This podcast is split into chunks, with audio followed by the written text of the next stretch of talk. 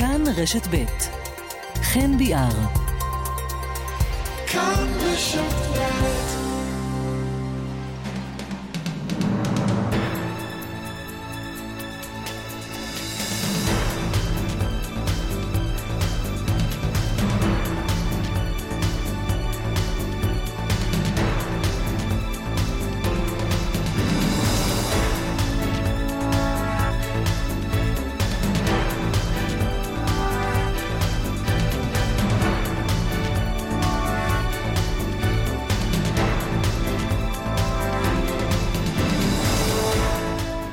שלום רב, צהריים טובים לכם בחצי היום, כאן ברשת ב', חמש דקות אחרי 12, כמעט 12 שעות בתוך המבצע שצה"ל יצא אליו בג'נין. הלילה מבצע בית וגן.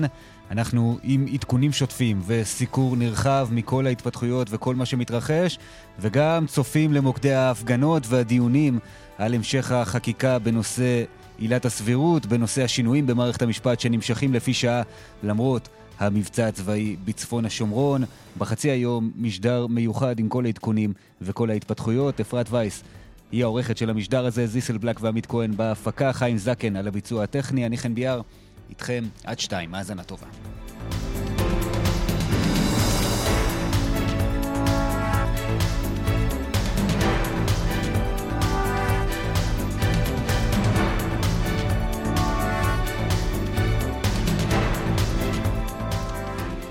כוחות גדולים פועלים מאז שעות הלילה וגם בשעה זו בג'נין. זה התחיל בתקיפות אוויריות ונמשך בשעות האחרונות עם כוחות קרקעיים ויחידות מיוחדות שתופסות עמדות באזור מחנה הפליטים ג'נין. כרמלה מנשה, כתבתנו לענייני צבא וביטחון, שלום לך. שלום חן, כן, הפעילות הזאת נמשכת, כפי שאמרת, מ-1 בלילה, פעילות מתוכננת, ממוקדת, אה, במחנה הפליטים ג'נין, אה, שתוכננה כבר ונדחתה כמה פעמים. במהלך הפעילות נפצע קל חייל צה"ל מרסיס של רימון צה"לי, הוא טופל אה, במקום. אה, צה"ל עצר יותר מ-20 מבוקשים במחנה הפליטים אה, ג'נין, אה, חשף מעבדות אה, חבלה, מטענים, והפעילות הזאת של ניסיון לנקות את מחנה הפליטים ג'נין, שעמוס בחומרי נפץ ומטענים, ובעצם אה, הוא ה... מקור לכל אה, בירת, ג'נין היא בירת הטרור, שממנה יוצאים, או יצאו לאחרונה כל המחבלים שביצעו את הפיגועים הקשים, הרצחניים, בכבישי יהודה אה, ושומרון, והמשיכו וממשיכים. הפעילות הזאת אה, החלה בהפתעה שהכין מראש צה"ל בתקיפת מפקדה, חמ"ל משותף, והחוט של פלגי הטרור שהיו בו מחבלים ואמצעי לחימה. אה, יש פה, מדובר בחמ"ל מרכזי בלב מחנה הפליטים. המחבלים האלה הופתעו מהתקיפה האווירית בלב המחנה, אה, באתרים שהאויב חשב שצה"ל איננו מכיר. אני שוב אומרת, פעילות מודיעינית ממוקדת, ההפתעה שאפשרה לשמור על ביטחון הכוחות בשלב הזה. בשעה זו, כאמור, כלל הכוחות מעקפים את כל המחנה מכל הכיוונים, כוחות חטיבת הקומנדו, כוחות נוספים של צנחנים, גולני ונחל, נמצאים בשטח, נכנסים למבנים, יצרו שליטה מבצעית, נעצרו כאמור פעילים, יותר מ-20 פעילים, לוחמים איתרו בדירות uh, מבצעיות לא מעט מטענים, שהמחבלים תכננו להשליך על כוחותינו, בשעה זו מנטרלים את המטענים. לא באנו לכבוש את מחנה הפליטים, אומרים גורמי הביטחון, באנו לבצע פעולה נקודתית, נלקחת בחשבון אפשרות שהפעילות הזאת תגרור אולי הסלמה, אם כי גם החמאס גם החיזבאללה אינם מעוניינים אה, בהסלמה בימים כאלה, אבל אין ספק שיהיה ניסיונות לבצע נקמה, אבל זאת פעילות ש... לניקיון של השטח, ניסיון לנקות את השטח מאמצעי הלחימה. זה מסייע לתקופה מסוימת. בהמשך הם חוזרים לעצמם, אבל בינתיים הפעילות הזאת נמשכת, ואני מקווה ש... אנחנו נצא משם בלי שום אה, פגיעה בחיילי צה"ל. כרמלה מנשה, תודה רבה, ואת כמובן תשובי ותעדכני אותנו בכל התפתחות אה, שתהיה. ואנחנו אה, אלייך, כתבתנו המדינית גילי כהן, בעקבות המבצע הזה, מטבע הדברים, גם התייעצויות ביטחוניות שמקיים ראש הממשלה. כן, חן, צהריים טובים. בעוד שעה קלה נכנס ראש הממשלה נתניהו דיון הערכת מצב בעקבות הפעילות הצבאית בג'נין עם ראשי מערכת הביטחון. צפויים לשמוע שם בעיקר סקירות על התקדמות המבצע עד כה וגם היערכות להמשך, כאשר שני דברים מרכזיים שנמצאים על הפרק.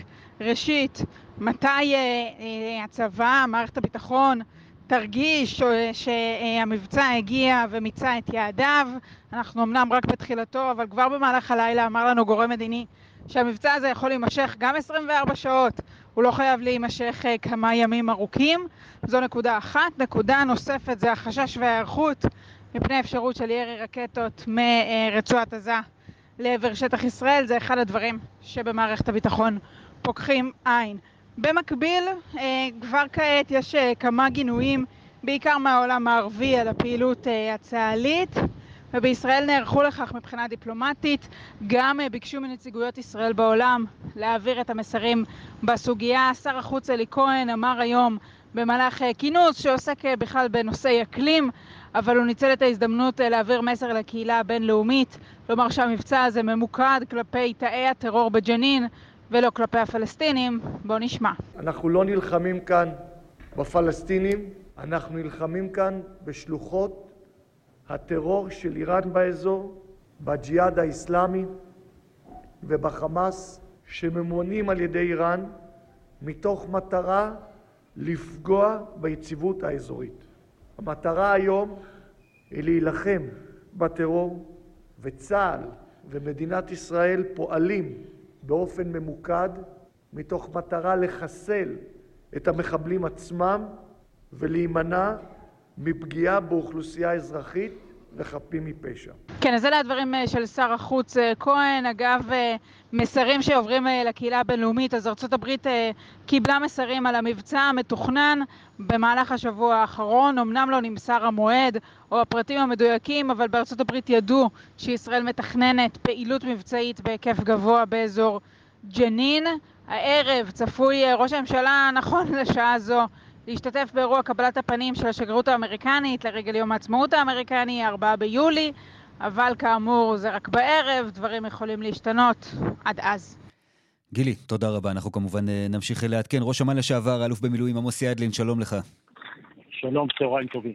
קודם כל, מה מייחד מבצע מהסוג הזה בהשוואה לפעולות נקודתיות שאנחנו רואים לעיתים די תכופות באזור ג'נין בתקופה האחרונה?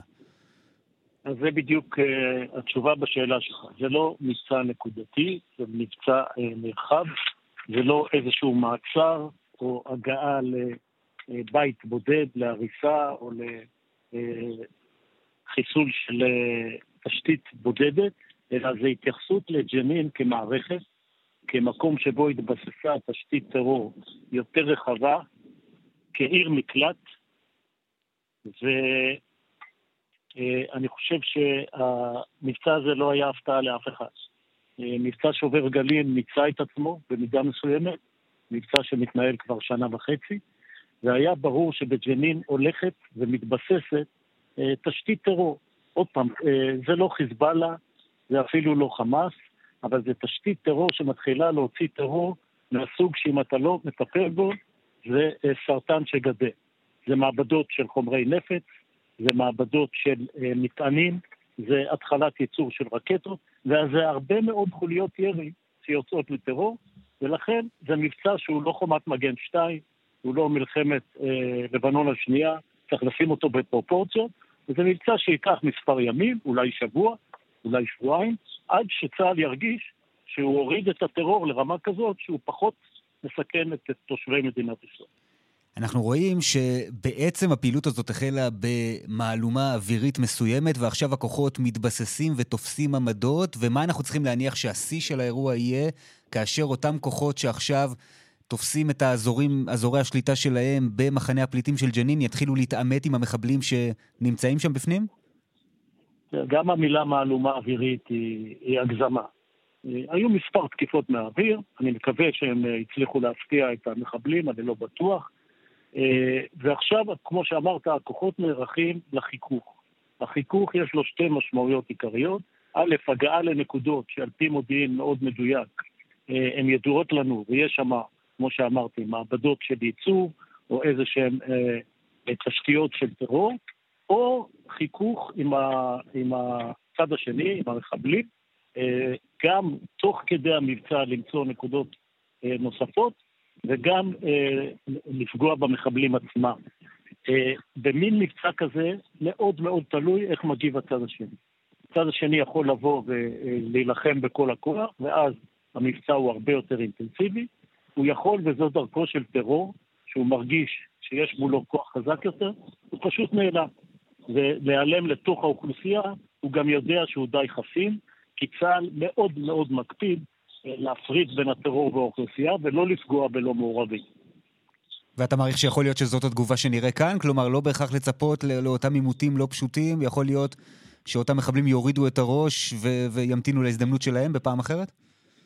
בהחלט זאת, זאת אחת האופציות. תראה, זאת האופציה שאת אה, המבצע הזה אה, תעשה אותו אה, פחות אפקטיבי. אבל עוד פעם, אני לא אה, כתב צבאי בשטח, אני לא יודע מה קורה שם ברגע זה, כן. אני רק מכיר את אופי הפעילויות האלה. אה, אני מציע לכם שנצא רגע למעטפת ה... אולי, אולי, רק, נ, אולי רק נגיד לפני המעטפת הרחבה יותר עוד מילה אחת על ההחלטה להתחיל ולפעול באופן אווירי. אתה איש חיל האוויר אה, הרבה מאוד שנים. אנחנו לא כל כך רואים פעילות מהסוג הזה באזור של ג'נין, פעילות אווירית.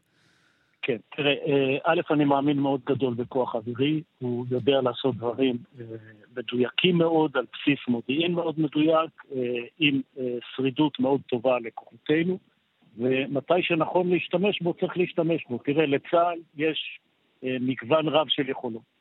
וצה"ל מפעיל את היכולות האלה, אוויריות, קרקעיות, סייבר, לפעמים מהים, לפי הצורך של המערכה.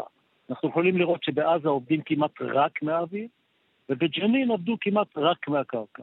אבל אם מישהו, כשהוא תכנן את המערכה, הגיע לאיזושהי הערכה שבאמצעות תקיפה אווירית, שהיא גם יכולה להפתיע יותר, והיא גם יכולה להיות יותר מדויקת ויותר קטלנית, הוא יכול להשיג פה מטרות, וזה בהחלט לגיטימי וזה ראוי וזה נכון, ואני חושב שאחד הדברים המרשימים בצה"ל זה היכולת לשלב את הממדים של הלחימה, הקרקעיים, האוויריים, אה, כמו שאמרתי, התודעתיים, אה, ואולי אפילו המדיניים, שזה לא צה"ל, אבל הוא צריך לקבל את הגיבוי מהדרג המדיני פה.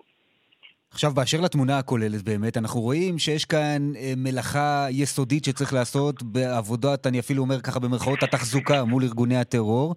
האם יש כאן אפשרות לצפות גם לאיזושהי משמעות אסטרטגית שיש למבצע מהסוג הזה? תראה, צה"ל לא רוצה לפעול באזורי A אם הרשות הפלסטינית עושה את תפקידה ונלחמת שם בטרור. הפעילות של צה"ל היא בעצם במקומות שהרשות איבדה את הכושר שלה לפעול, או את הרצון שלה לפעול, אה, וזה מה שקורה בג'נין, זה מה שקרה במידה מסוימת בשכם, אה, זה לא קרה לא בחברון ולא ברמאללה. וכאשר אה, צה"ל פועל נגד טרור, אתה אמרת בצדק, זה איזשהו כיסוח של דשא. הפתרון לבעיות טרור היא, אה, הוא לא פתרון חד-ממדי. הוא שילוב של מאמצים אה, צבאיים, מאמצי מניעה, אבל גם של הסביבה המדינית, הסביבה האסטרטגית. ואחד היעדים האסטרטגיים הוא להחזיר את הרשות לשליטה אה, בג'נין. פה יכולה לעזור גם המערכת הבינלאומית בלחץ על הרשות, גם המערכת הערבית, שיש לנו איתה קשרי קשרים דיפלומטיים מדיניים, אם זה מצרים, אם זה ירדן, אם זה אה, מדינות המפרץ, ואני חושב שסיום אה, המבצע יהיה קודם כל בפגיעה קשה בטרור, שאף אחד לא ישלה את עצמו שזה יסיים את הטרור, אבל זה יוריד אותו אה, במספר רמות, וברמה המדינית לנסות להחזיר את הרשות לשלוט בג'ים. שמענו את הדיווח של כתבתנו כרמלה מנשה שאומרת שהמבצע תוכנן ובוטל כמה פעמים לאורך אה, זמן כנראה ממושך אה, יחסית, ואנחנו יודעים שגם אה, בסופו של דבר בימים האחרונים דבר המבצע הזה נודע לכנראה גורמים שהם רבים יותר ממה שבצבא היו רוצים. איך אפשר לשמור מבצע שכזה סודי כאשר סדר הכוחות כאן הוא בכל זאת סדר כוחות נרחב יחסית, קשה לשמור את זה בשקט? תראה, הפתעה אסטרטגית לא הייתה. אה, זה היה ברור לכולם מאז הרצח של אה, ארבעת האזרחים הישראלים, אבל עוד לפני זה, גם מהכניסה של, אה, של הרכבים שעלו על מטענים בג'נין, שצריך לשנות את מוד הפעולה. אותה כניסה בודדת בלילה אחד לנקודה אחת, היא כבר לא יעילה בג'נין, והשאלה הייתה רק מתי יהיה האירוע ובאיזה היקף. אה, אין פה הפתעה אסטרטגית. היה צריך לנסות הפתעה טקטית, עוד פעם, אני לא מעורה בפרטים, אה, בדיוק מה העיתוי או מה המטרות שיתקפו, או כמו שדיברנו, האם הם יתקפו מהאוויר או באמצעים אחרים, על זה אני מקווה שמישהו אה, ניסה ליצור איזושהי הפתעה. אה, את ההפתעה האסטרטגית, כמו שאמרתי, היא לא פה, היא לא במקרה הזה. אלוף במילואים עמוס ידין, ראש אמ"ן לשעבר, תודה רבה לך על השיחה לא, הזאת. אני רוצה כן. רק עוד מילה אחת. בבקשה. ג'נין היא, היא, היא מוקד, אבל אנחנו צריכים לפתוח את זווית הראייה ל-360 מעלות. לראות שהאירועים לא מסלימים לאזורים אחרים ביהודה ושומרון, לא לירי מעזה, כי הג'יהאד האיסלאמי אה, כבר איים, ובניגוד לחמאס, אה, הוא אין לו מה להפסיד, הוא לא אחראי על שני מיליון פלסטינים, על רווחתם, על, עבודת, על העבודה שלהם, לפרנסה שלהם, וראוי לפתוח גם עין לחיזבאללה שמתגרה לאחרונה בגבול הצפון, כי ג'נין יכולה להיות רק התחלה לאירוע הרבה הרבה יותר רחב. אבל זה משהו שהוא בידינו לעשות ולהשפיע עליו? אה, בהחלט כן. אה, א', צריך מודיעינית להיות ערני ולראות ש, שזה קורה, ואז אה, אנחנו יודעים איך לסכל דברים כאלה.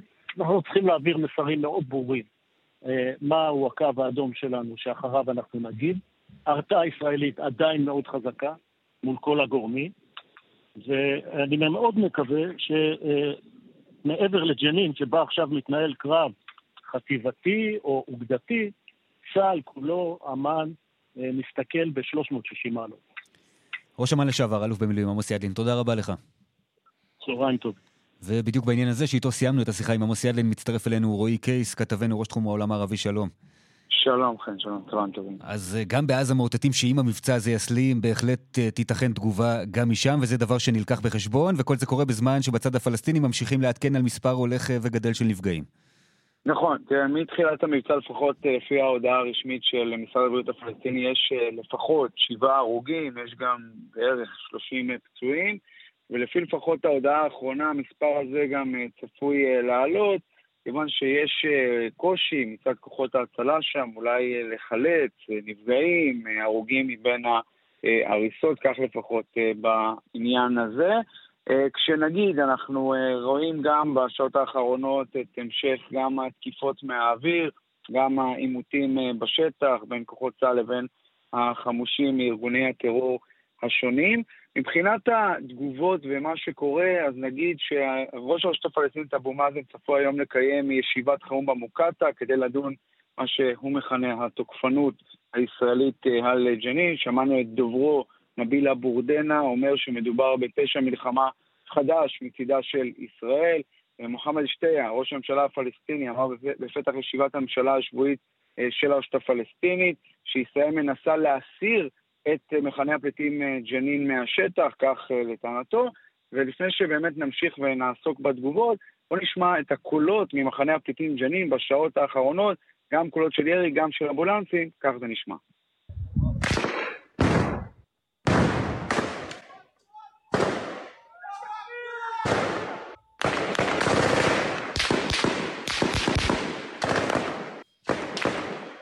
כן, אלו חילופי האש מתוך מחנה הפליטים.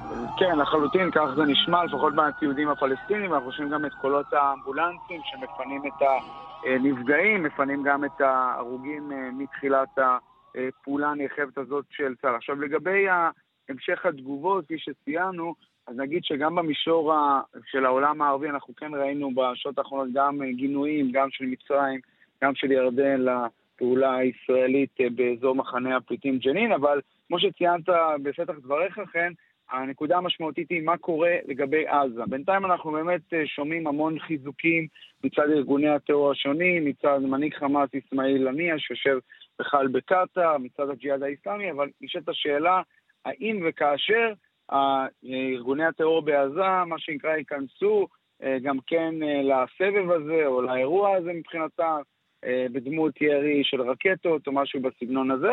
מי שניסה לענות על כך או לאותת שזה בהחלט בא בחשבון, הוא דאוד שיעה בכיר בג'יהאד האסלאמי בעזה, שאמר בריאיון שבהחלט כל האפשרויות מבחינתם פתוחות אם המבצע או הפעילות הישראלית בג'נין תימשך, הנה דבריו.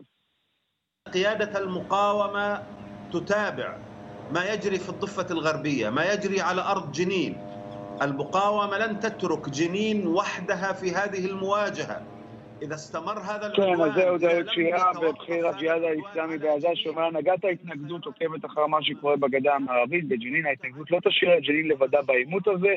אם התוקפנות הזאת לא תיעצר בג'נין, האפשרויות של ההתנגדות פתוחות, רבות ולגיטימיות, גם בתגובה לתוקפנות הזאת ובסיוע ובתמיכה לאנשינו, עמנו וההתנגדות שלנו בג'נין. אה, וגם, כאמור, בהמשך אה, לדברים של עמוס יד מקודם, אי אפשר לשלול שגם זירות נוספות נלקחות אה, בחשבון, בדגש על הזירה הצפונית, כבר ראינו בעבר, ולא כזה מזמן, שכאשר הדברים מתחממים בגזרה הזאת של שטחי איו"ש, ירושלים, אז בהחלט לפעמים יש גם תגובה של גורמים פלסטינים, דגש על חמאס, ארגונים אחרים, גם כן מהזירה הצפונית, ולכן אפשר להעריך שגם בישראל נערכים גם לאפשרות הזאת. רועי קייס, כתבנו, תודה רבה. תודה. דוקטור מיכאל מילדשטיין, ראש הפורום ללימודים פלסטינים באוניברסיטת תל אביב וחוקר בכיר במכון למדיניות ואסטרטגיה באוניברסיטת רייכמן, צהריים טובים, שלום לך. שלום חן, צהריים טובים. אנחנו רואים הרבה פעמים שבזירה הפלסטינית יש את הרצון לעשות שילוב של אה, זירות ולהתייחס אליהן כמקשה אחת. אתה רואה שגם במקרה הזה יכול להיות שירצו לקחת את המציאות לכיוון הזה? אה, אני לא פוסל את זה, אה, אם כי אני חייב להגיד, חן, שבעיניי, אני כמובן לא מקל ראש בסיפור הזה של ההקרנה בין זירות, ובעיקר מה שאנחנו נדבר עוד מעט על המאמץ המתמשך של חמאס לייצא, הייתי אומר, כמעט את כל המרץ וה, והרוח הג'יהאדית שלה מעזה לכיוון איו"ש כדי לשנות שם את המציאות. אבל אני כן חושב שהבעיה המרכזית, כמעט פיל הייתי אומר, שקיים בחדר ואנחנו לא מדברים עליו, ואנחנו עלולים אגב להיקלע למציאות אה, אה, עוד יותר גרועה ממה שקיימת היום, זה הסיפור של, אה, של הרשות, הפריחות שלה, המציאות הרעועה שלה. אנחנו בין היתר... כי למעשה נקרא... אם היא הייתה עושה את עבודתה, אז לא, היה, לא היינו זקוקים למבצע הזה. חד משמעית. תראה, אנחנו נכנסנו היום בבוקר למהלך שלא נקטנו כמעט 20 שנה. הוא נובע בין היתר מזה שבעצם הישות הזאת, הרשות הפלסטינית, שבספטמבר אנחנו נציין 30 שנה, או 30 שנה להסכמי אוסלו שציינו את הקמתה, אה, הולכת ודועכת. ואני לא בטוח שאנחנו כישראלים מנהלים, לא רק הפוליטיקה, גם הציבור, מנהלים את הדיון העמוק ששואל מה קורה או איך נראית המציאות כשהרשות הזאת לא קיימת. איך אנחנו מדמיינים מציאות שבמסגרתה מי שצריך לתת את השירותים האזרחיים, לא רק את הסיפור הצבאי ואת הסדר הביטחוני, אלא את השירותים האזרחיים לכמעט שלושה מיליון פלסטינים באיו"ש, זאת ישראל. ואני חושב, כן, שזו הנקודה, אני חושב שהמבצע היום בבוקר אמור להוות איזה סוג של אה, אות השכמה עבורנו. להסתכל ולשאול האם ככה אנחנו רוצים שתראה המציאות שלנו למשך שנים, כניסות ויציאות כמו שהיו בעזה במשך הרבה מאוד שנים אה, לתוך הערים הפלסטינית ויציאה מהם, או תחילת חשיבה אסטרטגית על איך נראים, נראה העתיד שלנו ושל הפלסטינים אה, לשנים הקרובות. אני מניח שהרבה מאוד אנשים היו משיבים לך שהם לא רוצים אולי את המציאות הזאת של מבצעים כאלה באופן דחוף יותר, אבל גם רואים ברשות הפלסטינית אויב, או לכל הפחות מישהו שלא ניתן לבוא איתו בשיח. אז זו אמירה מצוינת, חן, כי אני חושב שבאמת אנחנו נמצאים היום בעולם שבו כל הברירות שעומדות בפנינו הן רעות, ואנחנו צריכים לבחור את הכי פחות גרועה. ואני חושב שכשאנחנו היום מסתכלים על הרשות, חלף כל הבעיות שהיא מייצרת, התרומות, ש... אה, התרומות, בעצם הסיוע הכלכלי שהיא נותנת למשפחות מחבלים, ההתרסות המדיניות הקבועות שלה נגדנו, עדיין היא הרע במיעוטו. החלופות יכולות להיות או שאנחנו נחזור לשלוט אה, על האזור, ולדעתי זה סד מטורף של לחצים ושל עול אסטרטגי, או שחמאס תיכנס לוואקום הזה, או שאנחנו פשוט נדבר על סוג של סומליה קטנה, אה, ואקום מוחלט, שנשלט על ידי כל מיני סוגים של מיליציות, על המפתן של אה, כפר סבא ולא רחוק מבאר שבע.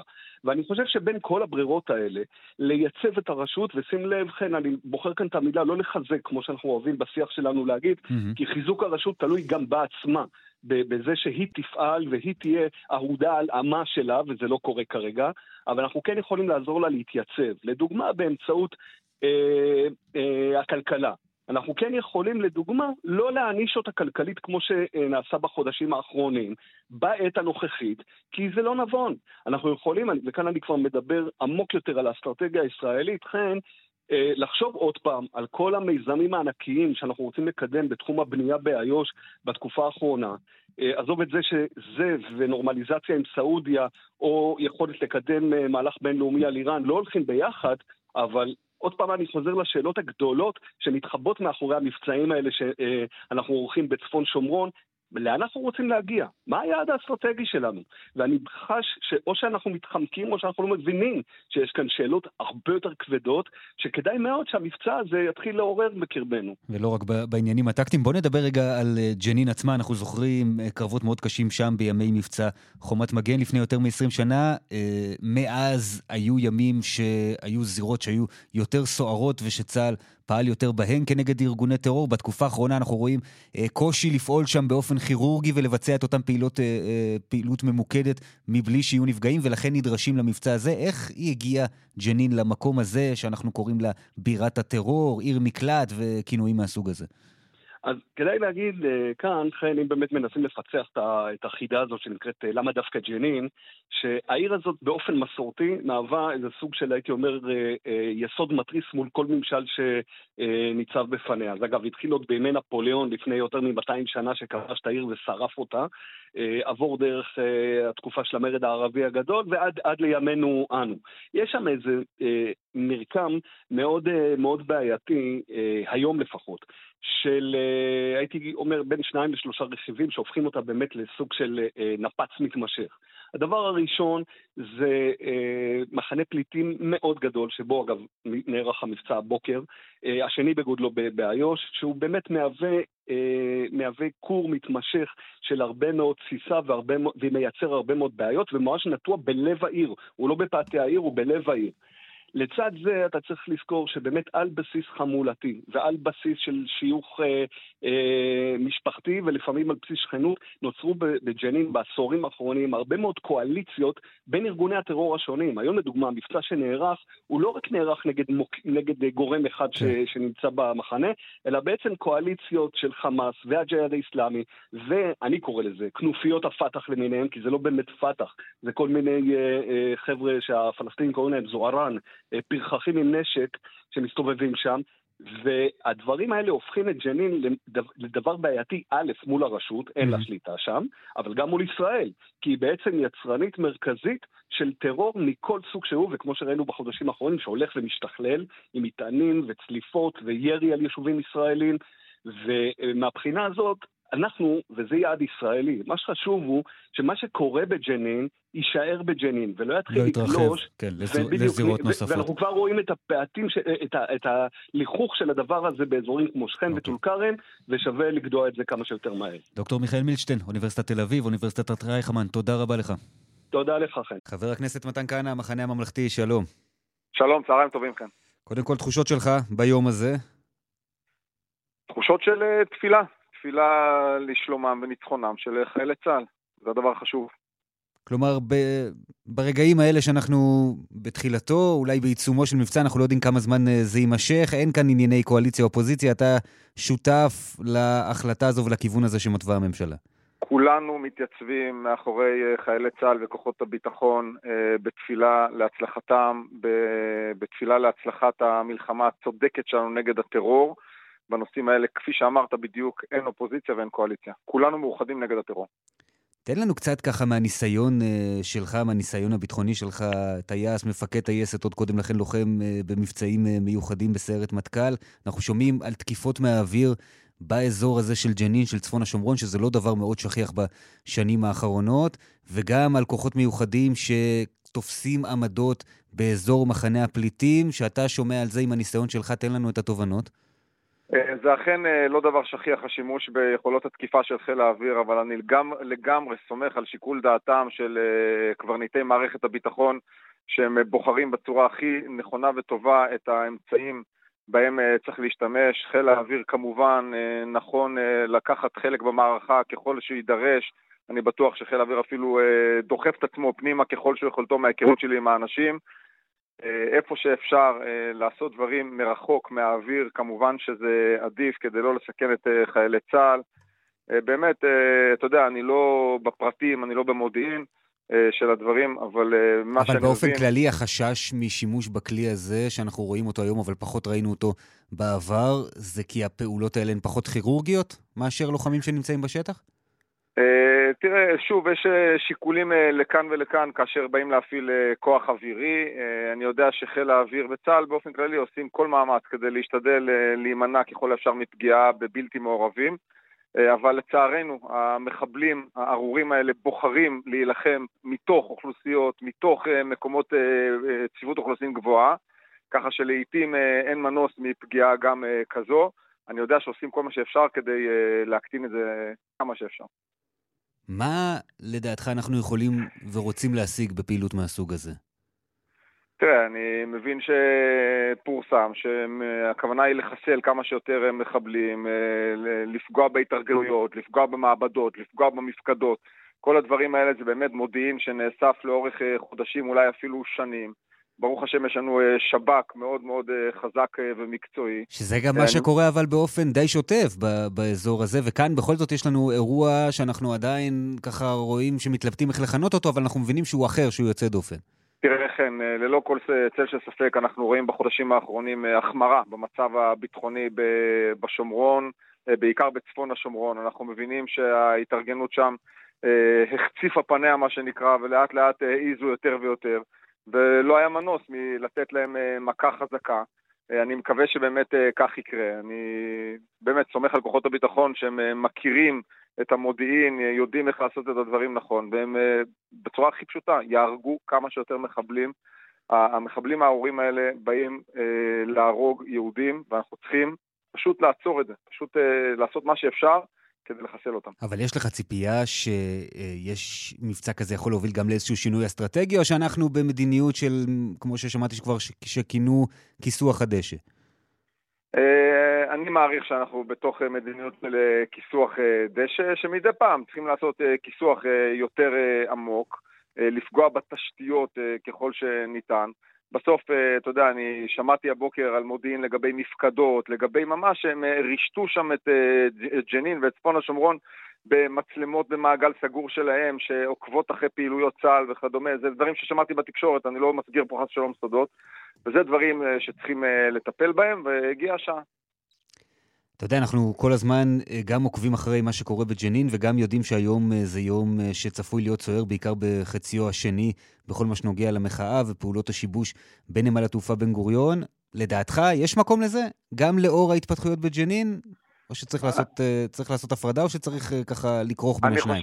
אני חושב שבאופן הפשוט אפשר לומר שאני מעריך שאם הקואליציה הייתה אומרת שלאור המצב הם משים לכך וכך זמן את אה, פעולות החקיקה, אני מניח שגם אה, ראשי המחאה היו מצידם משים את המחאה. אני רק מזכיר שוב שהפוליטיקאים הם לא מובילי המחאה ברחובות, וזה לא שאנחנו מוחאים כף וכולם מתייצבים. למחאה יש את הדינמיקה משל עצמה, אבל אני שוב אומר, אני מעריך שלו הממשלה הייתה אומרת שלאור המצב משהים רגע את החקיקה בכנסת, אה, התגובה הייתה שמשהים גם את המחאה. כלומר, אם אין היום דיון בוועדה, אז נכון גם לעצור את ההפגנה, לצורך העניין. אני חושב שזו משוואה נכונה, אבל שוב, אה, הקואליציה נחושה בעמדתה אה, להמשיך עם החקיקה החד-צדדית ולגרור את ישראל שוב פעם לאותה מבולקה אה, מאוד מאוד אה, לא טובה למדינה. איפה אתה בשיח סביב אה, פעולות שנוגעות לנמל התעופה בן גוריון, גם בהיבט של אה, שיבוש החיים, והיום זה יום עמוס מאוד שהרבה אנשים מתכוונים לצאת לחו"ל. דובר אתמול גם על העניין של סכנה במקרה של אירוע חירום כלשהו, כפי שהיה שלשום בלילה.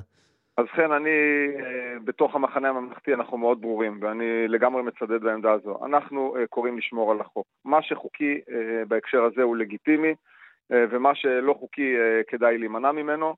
אה, ואם המשטרה, מה שהמשטרה מאפשרת, אז זה בסדר, ומה שלא, עדיף להימנע. אבל אתה יודע שגם יש, וראינו את זה בתקופה האחרונה, שיש גם דינמיקה לדברים, וגם האופן שבו מתארגנת ופועלת המשטרה, וגם המפגינים כמובן, זה משפיע על התוצאה הסופית. זה לא רק עניין של חוקי ולא חוקי, אלא גם אני, איך אני, שהשטח פועל. אני לגמרי מבין, ולכן אני שוב אה, מנצל את הבמה כדי לקרוא לכל המוחים והמפגינים לשמור על החוק. זה בסוף, אה, אתה יודע, אנחנו לא יכולים מצד אחד אה, לבקש לשמור על שלטון החוק במדינת ישראל, וביד השנייה להפר את החוק. לכן אנחנו במחנה הממלכתי קוראים בצורה מאוד ברורה שהמחאה תישמר במגבלות החוק. ואני מבין שגם בסדר יומך זה מאוד סמלי דיון שאתה מקיים במסגרת הפעילות שלך בשדולה למען יתומי צה"ל, משפחות יתומי צה"ל. נכון, היום אה, חברי חבר הכנסת בועז ביסמוט מהליכוד ואני אה, בעצם עושים את אירוע ההשקה של השדולה לאלמנות יתומי צה"ל. יש מגוון נושאים שנדרש לקדם בשביל הציבור הכל כך יקר הזה ששילם את המחיר הכי כבד שאפשר בהגנה על ביטחונה של מדינת ישראל. מגוון נושאים כמו השוואת זכויות של יתומים מעל גיל מסוים, של יתומי צה"ל מעל גיל מסוים, אה, איזושהי פגיעה שיש אה, בתגמולים שמקבלות אלמנות אה, בשנים מסוימות, כל מיני דברים שבאמת, אלה האנשים ששילמו את המחיר היקר מכל, ואני חושב ששדולה שמובילים אותה מישהו, חבר כנסת מהקואליציה, ביסמוט, חבר כנסת מהאופוזיציה, עבדך הנאמן, יכולה באמת להביא תמיכה רחבה בדברים האלה. חבר הכנסת מתן כהנא, תודה רבה. תודה רבה, צהריים טובים. בחצי היום איתנו חבר הכנסת אביחי בוארון, ליכוד, שלום לך. חבר הכנסת בוארון איתנו? טוב, נעשה ניסיון אה, נוסף עוד רגע לשמוע את אה, התייחסותו של חבר הכנסת אה, אביחי בוארון, איש הליכוד, ועוד הפעילות הזאת של צה"ל נמשכת, וכוחות צה"ל נמצאים גם בשעה זו בעומק ג'נין, תופסים את העמדות באזור מחנה הפליטים, ואני מניח ש... בהמשך נראה גם עימותים עם מחבלים שמסתתרים אה, שם, וכנראה גם ירדו לעמדות מסתור אחרי התקיפה האווירית שהחלה את המבצע הזה בשעת אה, לילה, בסביבות השעה אחת אה, בלילה. בינתיים פצוע אחד בקרב לוחמי צה"ל, שמצבו קל עד בינוני, והוא פונה לבית החולים העמק בעפולה. נעשה ניסיון נוסף לפנות לאביחי באורון, שלום. שלום וברכה, חן, צהריים טובים. צהריים טובים. אתה מאלה שהייתה להם אה, לא מעט אה, ביקורת על תגובה לא נחושה מספיק אחרי uh, פיגועי הטרור האחרונים שיצאו מאזור uh, ג'נין, האם זה מה שציפית לו? Uh, כן, בהחלט. אכן ציפינו שצה"ל, צה"ל החזק והיקר, עם היכולות המדהימות, ייכנס ויבצע סוג של ניקוי כללי ב... בנפת ג'נין, שממנה יצאו כל המפגעים האחרונים, אני מדבר על אה, בנות משפחת די, על ארבעת הנרצחים בפיגוע בעלי, על האחים יגל והלל יניב, אה, וגם בצפון השומרון. אה, זה רק ביהודה ושומרון, אני מניח שגם הירי לכיוון יישובים בצפון נובע מאותו, מאותה התארגנות עוינת שהייתה בנפת ג'נין. עם נגיעות איראניות, וסוף סוף, ברוך השם, אה, אה, צה"ל אה, יצא למבצע הזה, ואני מחזק גם את חיילים ומפקדי צה"ל. לאן צריך להמשיך כל, לאחר מכן? הסתיים... כולל אלוף, הפיקוד, בוודאי. שזוכה להרבה ביקורת, זוכה במרכאות להרבה ביקורת, אז צריך לחזק אותו על הפעילות המבצעית הזאת, גם אם יש ביקורת, וגם הרמטכ"ל כמובן, ו...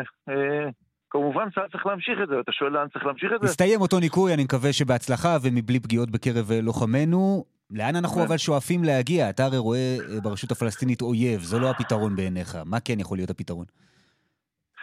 אז אכן אתה צודק, הרשות הפלסטינית היא אה, ישות אויב, ככה אני קורא לה אה, ו- ומגדיר אותה, כיוון שהיא זו שבסופו של דבר אה, מממנת אה, מחבלים ומשלמת משכורות להם ולבני משפחותיהם באיזושהי אמירה, סאבטקסט, לכו תפגעו, אנחנו כבר נדאג לפרנסה של המשפחות שלכם, ובכך היא מעודדת את הטרור ואת הפגיעה בנו הישראלים ובמדינת ישראל. אנחנו רואים גם את האוכלוסייה הפלסטינית כולה כאוכלוסייה עוינת שתומכת טרור. ולכן אני מניח שאתה לא רוצה להיות אחראי לחיי היום-יום שלהם בג'נין. אני ממש לא רוצה להיות אחראי לחיי היום שלהם בג'נין, אבל מי? אני כן רוצה להתייחס אליהם ככזאת, שעה שאני בא לשקול, וזה אולי מתכתב עם הביקורת שהזכרתי קודם לכן, האם אני מקל עליהם, או שאני מתייחס אליהם כאל אוכלוסייה שבסופו של דבר תתמוך בטרור נגד אזרחי מדינת ישראל, כמו שקרה בפיגוע האחרון בעלי, כשהמחבל שברח הסתייע על ידי נהג מונית פלסטיני כדי לברוח, לברוח לעומק השטח. עכשיו זאת המנטליות... אם ככה, מה אתה חושב לא למשל על כך שפועלים פלסטינים ממשיכים גם היום, גם בזמן המבצע הזה, להיכנס לשטח ישראל לעבודה? אני חושב ש... תשמע, יש איזשהו, איזושהי עין פקוחה ועין עצומה של הממסד הביטחוני בישראל. אה, יש איזשהו רצון, והוא רצון הומניטרי ואני מבין אותו ומזדהה איתו, להקל על האוכלוסייה שאינה מעורבת בטרור. אבל כשהאוכלוסייה שאינה מעורבת, so called, תומכת, מחנכת את בניה על שנאת ישראל ועל הרג ישראלים, מחלקת ממתקים כשנפגעים אצלנו אה, אזרחי ישראל אה, אה, או, או, או נהרגים. אז אני, אני, אני חייב לנקוט כמש, במשנה זהירות ובמשנה כבדהו וחשדהו. ו, ולעניין אה, אה, מתן אפשרות להתפרנס, אני, מי, ש, מי שמעוניין להתפרנס יכול להתפרנס. אני לא יכול לעצום עין ולאפשר לכולם כולל מפגעים, לעבור מחסומים, באין מפריע, להיכנס. מי שחזקה עליו צריך לעשות את הבדיקה טוב טוב טוב, שהוא לא קשור למעגלי טרור ולא קשור לתמיכה בטרור. וככלל אני אומר, גם לצה"ל וגם למקבלי ההחלטות, המבצע הזה בג'נין, לא, אסור שיישאר רק בג'נין. צריך לעבור גם לנפת שכם, שגם בה יש קידי מחבלים, וגם לנפת אה, אה, רמאללה, וגם לבית לחם, גם לחברון. ביהודה ושומרון צריכות להיות, שאלת אותי מה אני חושב שצריך לקרות בסוף, צריכות בסופו של דבר לקום רשויות מוניציפליות, אזרחיות, שמטפלות בצרכים האזרחיים של האוכלוסייה, שאין בה התארגנות לאומית, שאין רשות פלסטינית אחת כוללת, גם אם זה האינטרס בטווח הקרוב של ישראל שהרשות הפלסטינית לא תיפול. רשויות מוניציפליות פלסטיניות תחת מדינת ישראל, לא תחת רשות פלסטינית. אז יש יאמרו אמירויות, ויש יאמרו אה, אה, אה, פתרונות כאלה ואחרים, אוטונומיות אזרחיות, אבל בסופו של דבר, לא יכול להיות שאנחנו נתנהל מול רשות שמהווה איזושהי, אה, איזשהו גורם לאומי את זה הבהרת, אני חושב, אני פשוט רוצה ב-40 שניות שנשארו לנו להספיק איתך אה, עניין אה, נוסף. שמענו כאן קודם את חבר הכנסת מתן כהנא אומר, אני חושב שצריכות להיות הפגנות, אלא אם כן מפסיקה גם פעולת החקיקה ביום הזה. אנחנו יודעים שבינתיים הדיון בכנסת ממשיך, עוד מעט נשמע את כתבתנו מדווחת משם. מה אתה אומר בעניין הזה? א' כל מתן כהנא, ידידי, אה, בעצמו הסביר טוב טוב בסרטונים שרצים ברשת למה צריך רפורמה משפטית, אם זה בעילת הסבירות, אם זה בחוק היועמ"שים, אם זה בשינוי אה, בחירת השופטים. אבל לא היה נכון להגיד היום, אוקיי, אין ואני... דיון בוועד, בוועדה וגם אולי לא יהיו הפגנות כפועל יוצא של זה? ממש ממש לא. קודם כל, טוב שיהיו הפגנות. צריך שיהיו הפגנות. ההפגנות צריכות להיות במסגרת היום. החוק. תשמע, אה, אה, אם הן נעשות במסגרת החוק ומודגשת הסולידריות הישראלית, אז... אוקיי, אה, בסדר גמור, עמדתך ברורה. אפשר שיהיו הפגנות. חבר הכנסת אביחי בוארון. הפגנות, אני רוצה לחטט את הנקודה הזאת, הפגנות חייבות להיות במסגרת החוק, והתיקון מערכת המשפט כמובן חייב להימשך. תודה רבה לך. זה האינטרס והרצון של כלל אזרחי מדינת ישראל. חבר הכנסת אביחי בוארון, ליכוד, תודה, צהריים טובים. שלום, שלום. והנה בעניין הזה יערה שפירא, שעוקבת אחר הדיון בוועדת חוקה שמתקיים בשעה זו. שלום יערה. שלום, שלום חן. כן, תראה, דיון שמתקיים בוועדת חוקה ועדיין בעצם לא הגיע לשלב הענייני שבו דנים באמת בתוכן החוק שיצמצם את עילת הסבירות. הדיון הזה נפתח אה, בצעקות, בקשות, קריאות מצד חברי האופוזיציה, ששואלים מדוע לקיים אה, דיון כל כך נפיץ ביום שבו אה, יש אה, מבצע שנפתח בג'נין ומן הסתם הקשב הציבורי מופנה לשם ואולי לא ראוי לייצר עימות. כך למשל נשמעה חברת הכנסת קארין אלהרר מיש עתיד, הנה. אני רוצה לתמוה על המשך הדיונים כאילו כלום לא קרה. האופוזיציה, לפחות שתי המפלגות הגדולות באופוזיציה, אמרו שנותנים גב מלא כי בעניינים האלה אין קואליציה ואין אופוזיציה. אבל לא ברור מה הלחץ, מה, הדהרה. אתם אומרים שיש לכם שלוש ומשהו שנים להשלים את כל הרפורמות שלכם. מה, מה קרה? מי רודף אחריכם? מה הלחץ, היא שואלת. כן, כך חברת הכנסת קארין אלהרר מיש עתיד, והיא לא היחידה. אה, רוטמן משיב לאמירות האלה ואומר, אה, אנחנו אה, לא מבינים למה אתם מכניסים את צה"ל כאן לוויכוח הפוליטי, כל שכן זה נראה לי בלתי ראוי כחלק מניסיון לבצע פיליבסטר בוועדה, ועל כל פנים הדיון כרגע נמשך, ובקרוב גם יתחילו לדון ספציפית עניינית בסעיפים של החוק. יערה שפירא, כתבתנו בכנסת, אנחנו כמובן נעדכן אם יהיו התפתחויות שם. תודה רבה לך. תודה, תודה. סוף שעה ראשונה של בחצי היום, כאן ברשת ב', אפרת וייס היא העורכת, עמית כהן וזיסל בלק בהפקה, חיים זקן על הביצוע הטכני. פרסומות, חדשות, ואתם איתנו לשעה נוספת, גם uh, עדכונים שוטפים מהפעילות של uh, צה"ל uh, בג'נין ואזור צפון השומרון, גם לקראת ההפגנות שצפויות uh, להתחדש ביתר שאת אחר הצהריים. אתם כבר חוזרים אלינו לשעה נוספת של בחצי היום.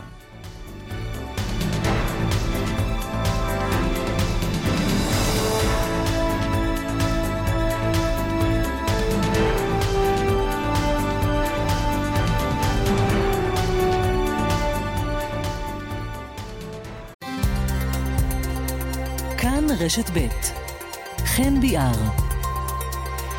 כאן רשת ב'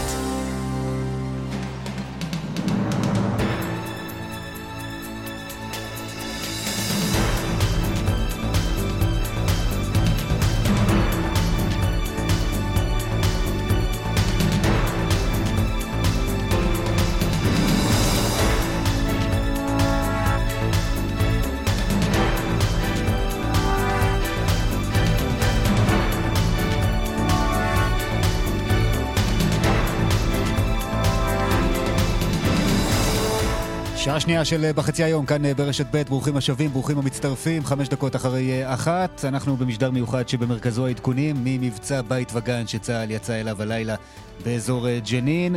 נדבר גם על המחאה שצפויה להגיע לשיא שלא ראינו כבר זמן רב בשעות אחר הצהריים, עם שיבושים והפגנות נרחבות באזור נמל התעופה בן גוריון. גם בכך נעסוק. אפרת וייס עורכת את המשדר הזה, עמית כהן וזיסל בלק על ה... אה, הפקה חיים זקן, ביצוע טכני, אנוכי חן ביאר, איתכם עד שתיים. האזנה טובה.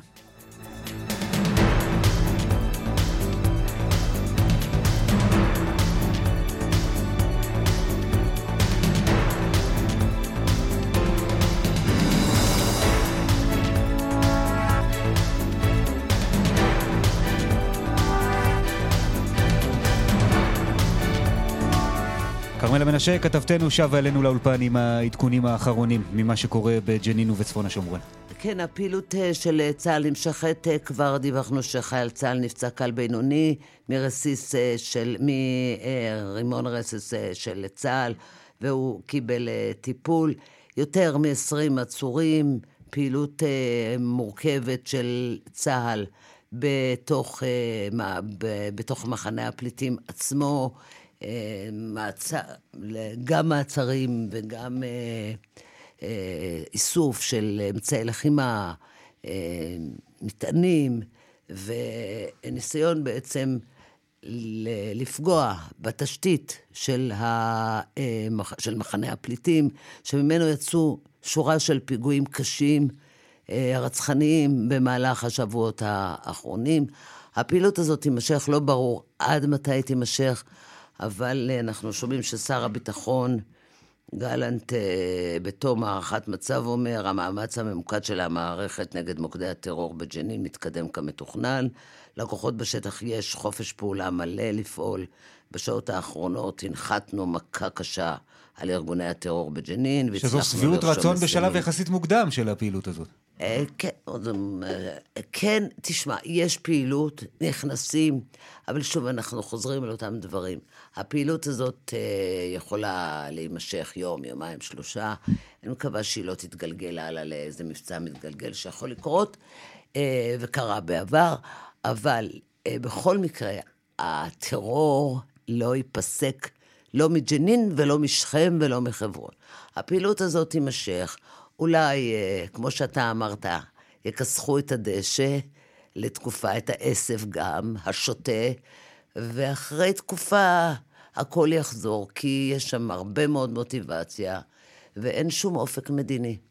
וצריך uh, להזכיר גם דיווח של ערוץ אל-ג'זירה, בהמשך גם לדברים שאמר לנו רועי קייס בשעה הקודמת, uh, דיווח שמדבר על כך uh, ששומעים איומים מצד ארגוני טרור בעזה, שמעבירים מסרים לגורמים בינלאומיים, שאנחנו לא יודעים בדיוק מי הם, אבל המסרים האלה אומרים, אם הפעילות הזו בג'נין לא תיעצר מיד, וישראל לא תשיג מיד את כוחותיה, אז המבצע הזה עלול להיגרר להסלמה נרחבת, וזה בוודאי דבר שחשבו עליו ונערכו לו.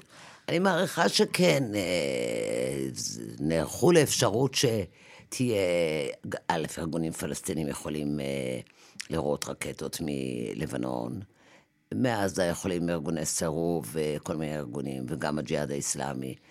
אה, ואז, ואז כמובן שצה"ל יגיב ותהיה אה, פעילות. אז, אז זה נלקח בחשבון, נערכים לזה גם באוויר, גם ביבשה. אה, אבל שוב, אני אומרת, הפעילות הזאת היא פעילות חשובה מבחינתה של ישראל, מבחינת הביטחון של תושבי יהודה ושומרון, שבאמת לא יכולים לצאת מהבית. אתה רואה פיגוע אחרי פיגוע, כשחוליות הירי האלה משתוללות בכבישים, זה אי אפשר לצאת מהבית. אה, השאלה, באמת, שוב, אנחנו חוזרים חזרה לאותה כבר 30 שנה, 40 שנה, על אותם דברים, ובלי איזשהו אופק מדיני או איזשהו שינוי, שיהיה מנהיג, שיהיה לו אומץ לעשות את הדברים, אה, ולא בהכרח הסכמי שלום, אבל איזשהו שינוי. אנחנו חוזרים גם על אותן פעולות וגם על אותה פעילות. ושום דבר לא משתנה. בוא, בואי נשאל על כך את אה, שלמה נאמן, יושב ראש מועצת יש"ע שמצטרף אלינו, שלום. שלום וברכה. נתחיל דווקא מהסוף, אתה שומע את הדברים של כרמלה מנשה, אני חושב שמבחינה טקטית אה, אין ספק שלא היה מנוס מפעילות אה, מהסוג הזה, ועל זה מסכימים כמעט כולם. לאן אנחנו הולכים מכאן, ביום שאחרי? זאת השאלה אולי היותר קשה. אנחנו קודם כל רוצים לשלוח אה, הצלחה, רפואה לחייל שנפצע, הצלחה לחיילי צה"ל, ובהחלט לומר שהפעולה הזאת היא פעולה מתבקשת, מתבקשת מזמן וצריכה להיות אה, כנראה עוד יותר רחבה, נראה את זה בקרוב מהתוצאות שלה. ואני כן מסכים עם אה, כרמל, מה, ש... מה, ש... מה שנאמר בסוף. נכון שזה עוד מאותו דבר, נכון ש... נכון שהפעילות, אה, שהפעילות האסטרטגית, פעילות המדינית היא העיקר, והפעילות האסטרטגית בטח, אה, בטח בה אנחנו נחלוק. כי אני חושב שהפעילות האסטרטגית זה ביטול הסכמי אוסלו, זה פירוק הרשות הפלסטינית, זה החלת ריבונות ישראלית ביהודה ושומרון, כי זה מה שבסופו של דבר יביא יציבות לאזור וגם יבהיר לארגוני הטרור שאין להם מה לחפש כאן. ואז מה? ואז מה? ואז נחיה כאן, ואז נחיה כאן, וגם המאבקים, יותר מזה, וגם המאבקים שלנו, יהיה, יהיה להם תועלת ותוחלת, כן? כי המאבקים שלנו יהיו לא, לא כדי להשיג עוד שנה, שנתיים של שקט, אלא כדי בעצם לייצב את האזור ולומר, האזור הזה הוא באחריותנו מלאה ולתמיד, ואנחנו צריכים לטפל פה בהתאם ולא... כלומר מה, כוחות צה"ל עכשיו בתוך ג'נין, אתה לא רוצה שהם יצאו משם בסופו של דבר, אלא יישארו בשביל לנהל את החיי היום-יום של האוכלוסייה האזרחית שם? בואו, אני באופן כללי לא חושב שצבא צריך לנהל אזרחים, כן? לא, אז מה... לא בג'נין אז איך אתה לא מיישם לא את, את החזון הזה שלך?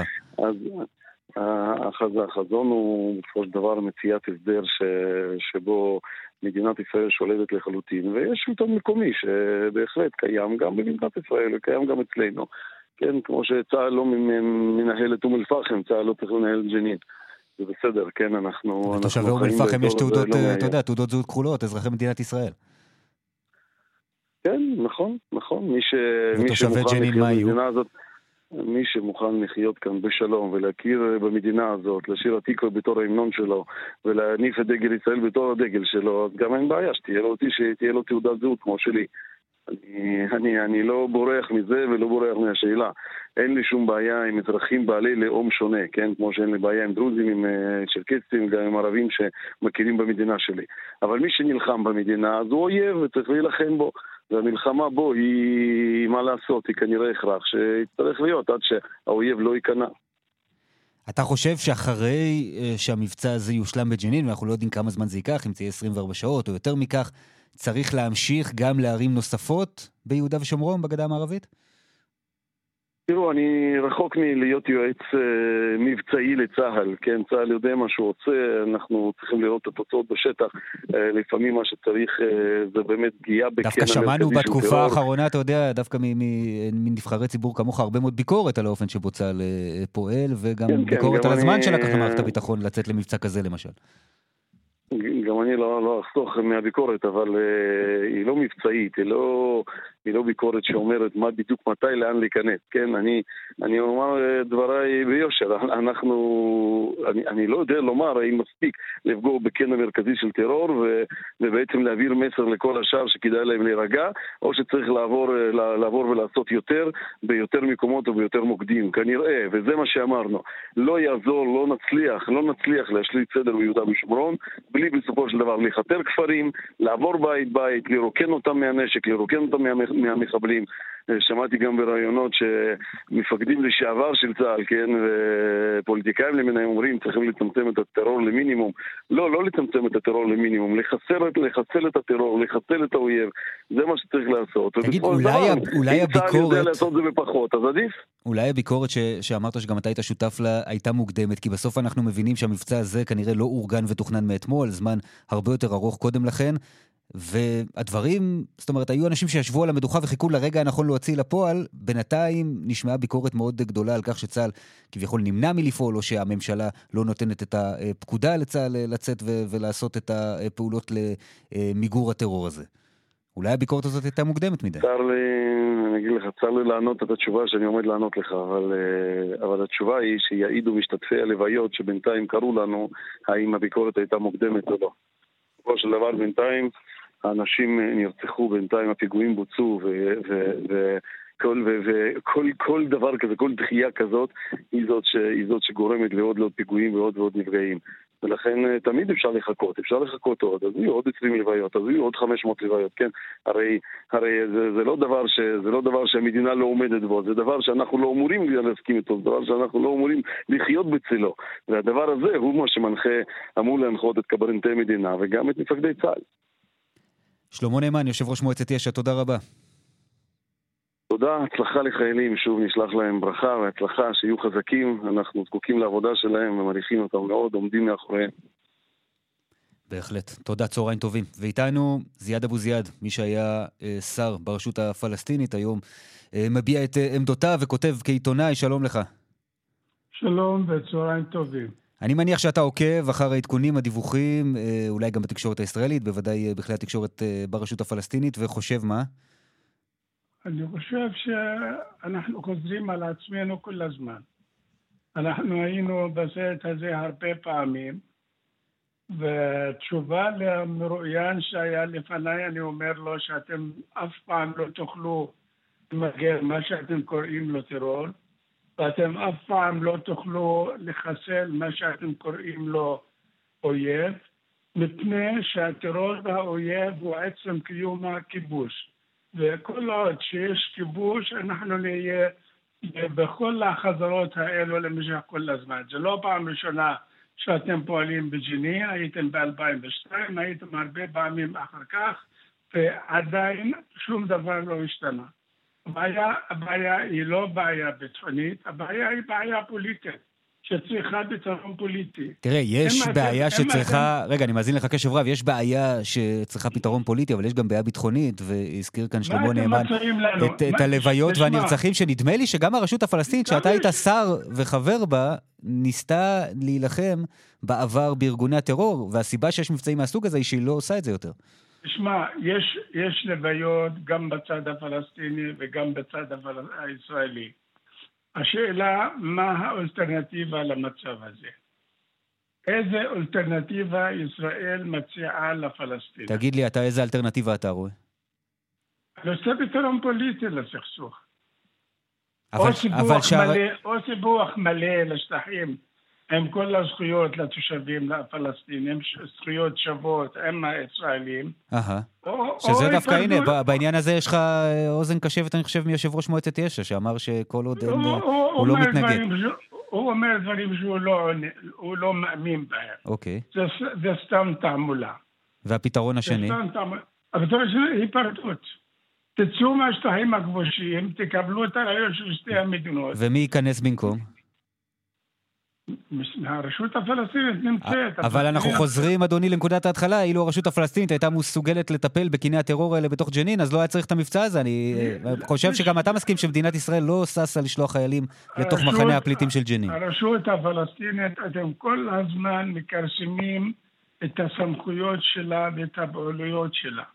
ויש אמרה, כל, אתה נותן יותר סמכויות, אתה תקבל יותר פעילות. אתה מכרסם את הסמכויות, יש פעילות, פחות פעילות.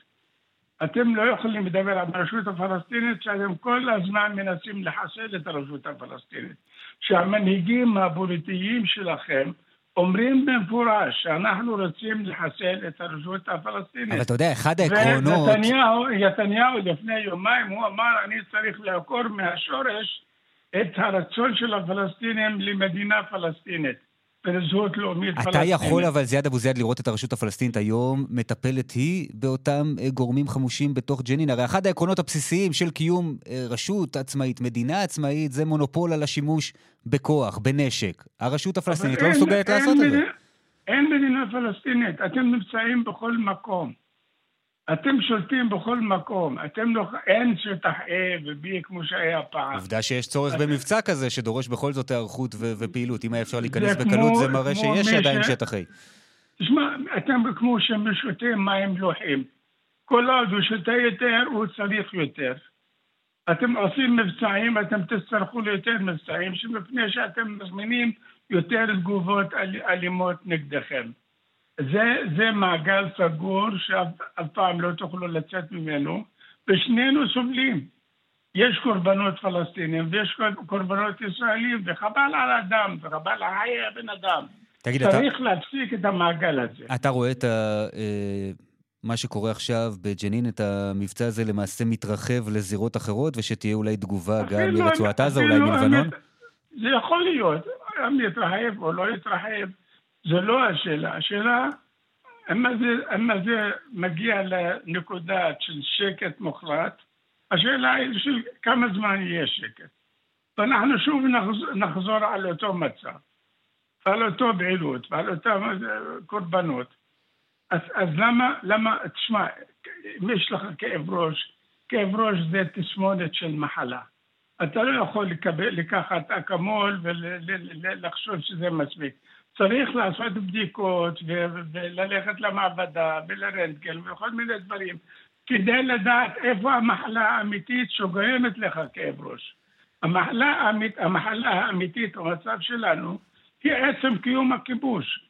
עצם עם חי תחת שלטון צבאי של ישראלים. אוקיי, נעצור כאן. זיאד אבו זיאד, לשעבר שר ברשות הפלסטינית, תודה רבה לך שהצטרפת אלינו.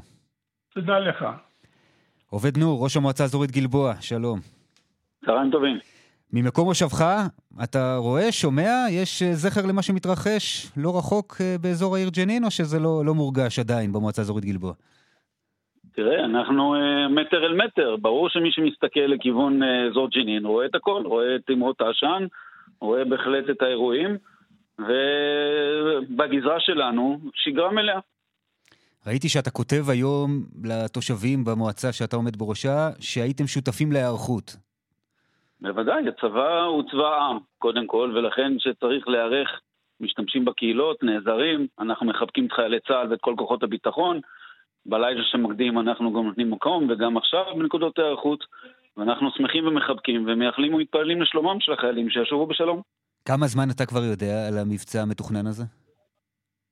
תראה, המבצע המתוכנן הזה מתוכנן כבר הרבה מאוד זמן. אנחנו אה, משותפים ברמות השונות אל מי שצריך לדעת, לדעת ורק כשצריך לדעת.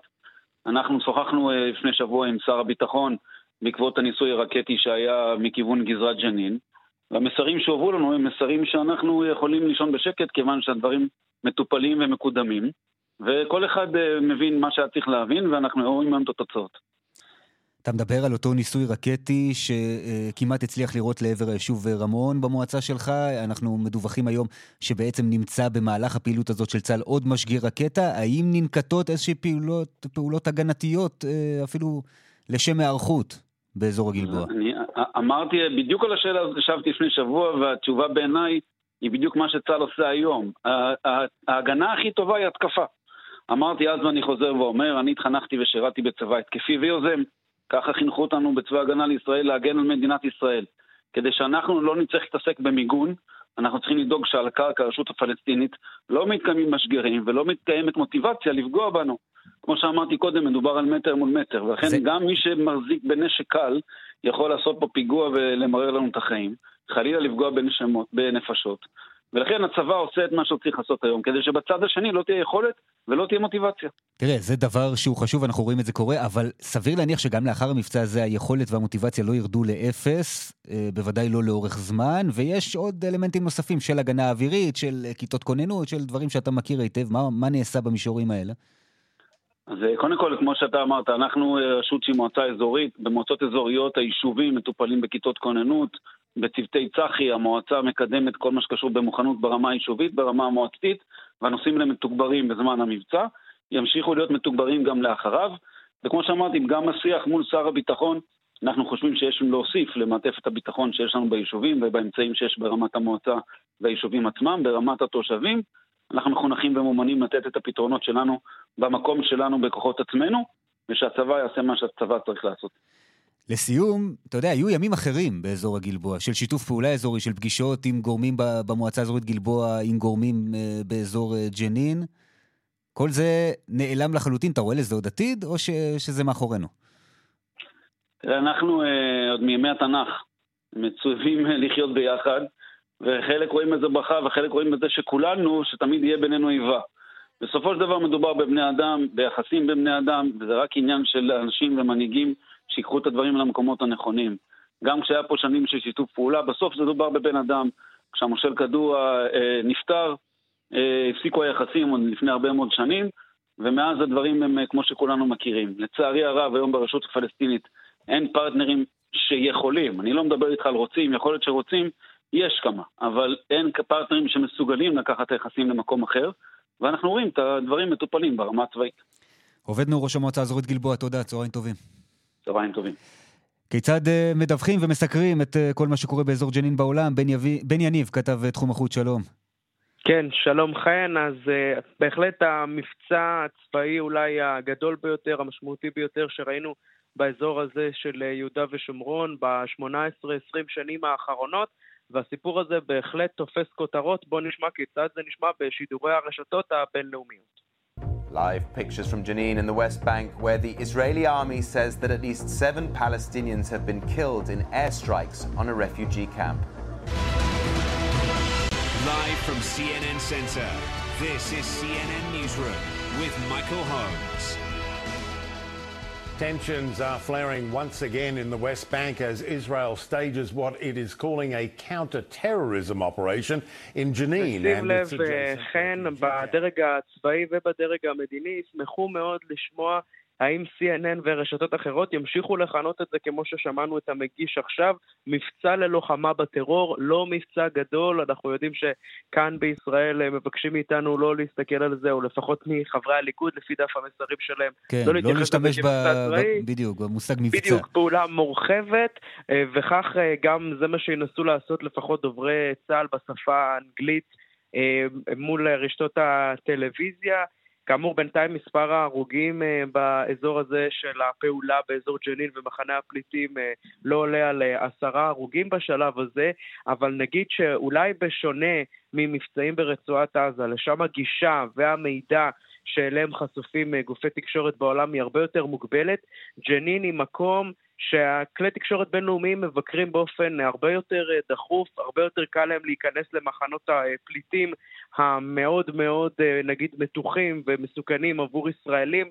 הם ממשיכים לדווח משם לאורך כל התקופה האחרונה של המתיחות שראינו בחודשים האחרונים, כך שאם המבצע הזה יימשך, והוא כנראה יימשך יותר מיממה אחת, אנחנו נראה יותר ויותר תשומת לב מצד כלי התקשורת בעולם, בינתיים זה מקבל מקום, לא מקום ראשון בכותרות, אבל בהחלט אה, האורחים של מהדורות החדשות ועורכי אתרי החדשות בעולם בהחלט נותנים לזה את המקום השלישי בכותרות החשובות ביותר בחדשות שמתרחשות היום בזירה הבינלאומית. בן יניב, תודה רבה. תודה חן. והעדכון האחרון מג'נין על חילופי אש קשים שמתנהלים ממש אה, כעת אה, בין כוחות צה"ל לבין חמושים, סמוך למסגד במחנה הפליטים בג'נין, וגם כלי טיס של צה"ל תוקף כנגד איומים באזור הזה. זה מה שקורה ממש בשעה זו, ואנחנו כמובן נוסיף ונעדכן ברגע שיהיו פרטים נוספים. אבל עכשיו לעוד מוקד שצפוי להפוך ולהיות משמעותי יותר ויותר בשעות הקרובות. איתנו סגן אלוף במילואים גיא רוזן, מראשי אחים לנשק, שלום לך. שלום חן ושלום למאזינים. מיד אנחנו נדבר איתך, אני רוצה לצרף גם את כתבנו שרון עידן, שלום שרון. שלום, שלום חן. ואתה כבר באזור נמל התעופה בן גוריון, שיהיה במוקד ההפגנות והשיבושים בשעות הקרובות. נכון, אני כבר בנתב"ג כרגע חן, אנחנו מדברים על כך שבסביבות השעה חמש וחצי בעצם צפויה בנתב"ג אותה מחאה שהמשטרה ניסה לפחות להעביר לאזור טרמינל אחת, אבל המוסרים אומרים אנחנו נגיע גם לטרמינל שלוש. שוב, אנחנו מדברים אה, יום שיש בו מעל 92 אלף איש שעוברים בנתב"ג, בשעות הערב כ-30 אלף מהשעה חמש אה, ואילך, בהחלט יום מורכב, אבל המשטרה וגם אנשי רשות שדות התעופה נמצאים באמת בכוחות מאוד מתוגברים כאן כדי למנוע אה, שיבושים פוטנציאליים מבחינתם, זאת אומרת חסימה של אה, צירים, של נתיבים, מעבר בין הטרמינלים, המשטרה גם הודיעה שהיא תחלק קנסות למי שיחסום צירים, 500 שקלים, 4 נקודות וכדומה. המוכרים אומרים, אנחנו מקווים להיות כאן, הדבר הזה יותר חזק מכל דבר אחר. הניסיון להפוך את ישראל, ככה הם אומרים, לדיקטטורה, ולכן לא יפחידו אותנו בדברים האלה, וגם לא יתחמו לנו אזורים אה, שלא עליהם דיברנו ולא אה, אה, מבחינת בקשה להפגנה אותם ביקשנו, הם הוציאו כבר אתמול מכתב שאומר, אם היינו רוצים להפגין מול טרמינל אחת בדרך כלל יצחק אילת, היינו מפגינים אולי מול מלון קלאב הוטל ולא איפה שאנחנו רוצים. לכן היערכות גם של המשטרה אחרת, שיגיעו לא מעט אנשים לטרמינל 3, כולל ברכבת ישראל, ואני מניח שיהיו גם חסימות. השאלה הגדולה כמובן באיזה היקף ועד כמה הן יהיו נרחבות. שרון, תודה רבה. תודה. סגן אלוף במילואים אה, גיא רוזן, אני חוזר אליך. הייתה מחשבה לאור כל מה שקורה בג'נין אולי לשנות תוכניות, אולי לעשות דברים אחרת, אולי לבטל? בהחלט הייתה מחשבה כזאת, ואנחנו כבר uh, בבוקר יצאנו בקריאה לחבר הכנסת רוטמן לעצור את, ה, את הישיבות ואת הדיונים בוועדה, uh, וכך אנחנו גם uh, נעצור את ה... נקפיא כרגע את, ה, את ההפגנות ואת המחאה עד סוף המבצע. אה, לצערנו הרב נהנינו בשלילה. אה, הוא אה, מתכוון, הוא והחבורה שלו מתכוונת להמשיך באמוק כדי לנסות ולהעביר את החקיקה עוד במושב הזה, ולכן אין לנו את הפריבילגיה לעצור, ולכן אנחנו נהיה היום בחמש וחצי, בכוח גדול מאוד. אבל זה מעניין, אתה אומר, אילו חבר הכנסת רוטמן לא היה מקיים את הדיון שמתנהל בשעה זו בוועדת החוקה של הכנסת, היה משהה אותו לאור המבצע בג'נין, לא הייתה היום הפגנה בנתב"ג. חד משמעית, אנחנו הודענו את זה היום בבוקר. אה, צריך לזכור שמי שנלחם כרגע בג'נין זה האחים לנשק שלנו. ואנחנו, אה, הלב שלנו איתם והמחשבות שלנו איתם. אבל אנחנו פה כדי גם להגן עליהם ועל הדמוקרטיה שעל שמירתה הם נשבעו אה, כשהם אה, אה, התגייסו לצבא בגיל 18. היה איזשהו שיח? הייתה איזושהי העברת מסרים, או שזו פשוט הצעה, קריאה שלכם שלא נענתה? הייתה העברת מסרים, והתשובה שקיבלנו, אגב, אנחנו לא מאמינים לאף מילה של, ה, של הממשלה הזאת ושל החבורה המטורפת הזאת. אנחנו לא מאמינים לאף מילה, רק למעשים. והמעשה הוא שכרגע מתקיימים הדיונים לצד המבצע הזה, ולכן, כפי שאמרתי, אין לנו את הפריבילגיה לעצור. מה היה אבל בשיח הזה אנחנו... בכל זאת? זה נשקל מה, מהצד השני עד כמה שידוע לך? אני לא יודע, אני mm-hmm. אומר לך שוב, אנחנו לא מאמינים למילה שנאמרת, אנחנו מאמינים אך ורק למעשים. אנחנו גילינו אחריות היום בבוקר, כמו שגילינו אגב אחריות לפני שלושה חודשים. ברגע שנודע לנו שהולכים לשבת ולנסות להגיע להסכמות רחבות. אנחנו לקחנו צעד אחורה, ועם כל החוסר אמון שלנו, קיווינו מאוד שהעסק הזה יצליח. כי מבחינתנו זה לא משנה אם באים עם כל החבילה כולה, או שבאים בשיטת הסלאמי, וגם לא בשיטת הטפטוף. אנחנו לא ניתן שיפגעו פה בדמוקרטיה. ואני יכול להגיד לך, אה, חן, שאין סיכוי שינצחו אותנו. אין שום סיכוי. אני אומר את זה במפורש. אגב, אני חושב, אם אני יודע להעריך נכון, גם ראש הממשלה ביבי נתניהו בכבודו ובעצמו מייחל בעומק ליבו שאנחנו נצליח לעצור את הטירוף הזה. כי הוא לא רוצה אותו, הוא רוצה לגנוז ולכן, את כל העסק הזה. אתה יודע, ולכן אולי טקטית היה נכון מבחינתכם דווקא לא לשחק לידי הצד שהוא יותר מיליטנטי בכל מה שקשור לשינויים במערכת המשפט, ולהגיד, כן, הנה אנחנו נעזור לכם לרדת מהעץ, ונמתן גם אנחנו את ההפגנות, ואולי זה יעזור לבנימין כן, נתניהו, כן. שלשיטתך כבר כן, ויתר אולי על הרפורמה. לא, לא, זה לא מה שיעזור לנתניהו, להפך. החבורת המטורפים ההזויה הזאת, מצמידה לו אקדח לרקה ואומרת לו, או שאתה מעביר את החוקים שאנחנו רוצים, או שאתה לא ראש ממשלה. וכולנו יודעים כבר שהוא כבר מזמן לא מסתכל על טובת המדינה, על טובתו שלו. ולכן, אני אומר לך שאם חס וחלילה, לא, זה לא יקרה, אבל אם יעבור חוק אחד שעלול לפגוע בדמוקרטיה, ראש הממשלה לא יזכה לראות יותר את הבית הלבן מבפנים. זאת משאת נפשו, ולכן הוא מייחל בכל ליבו שזה מה שיקרה. אני רוצה להגיד לך עוד דבר, אני בטוח, ואפשר לראות את זה בכל הסקרים, שחלק נכבד מאנשי הליכוד, השפויים, כבר גם כן איבדו כל אמון בשיקול דעת של אה, הממשלה הזאת, ורואים את זה בסקרים.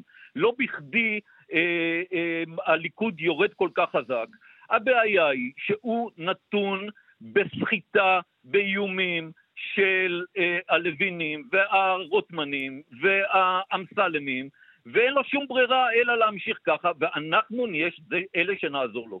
כי אין שום סיכוי שהדבר הזה יעבור. אנחנו לא ניתן, אנחנו נשבענו לשמור על מדינת ישראל כמדינה יהודית ודמוקרטית. אנחנו לא ניתן לפגוע בזה, לא בצרור וגם לא בבודדת ולא בסלמי ולא בטפטוף.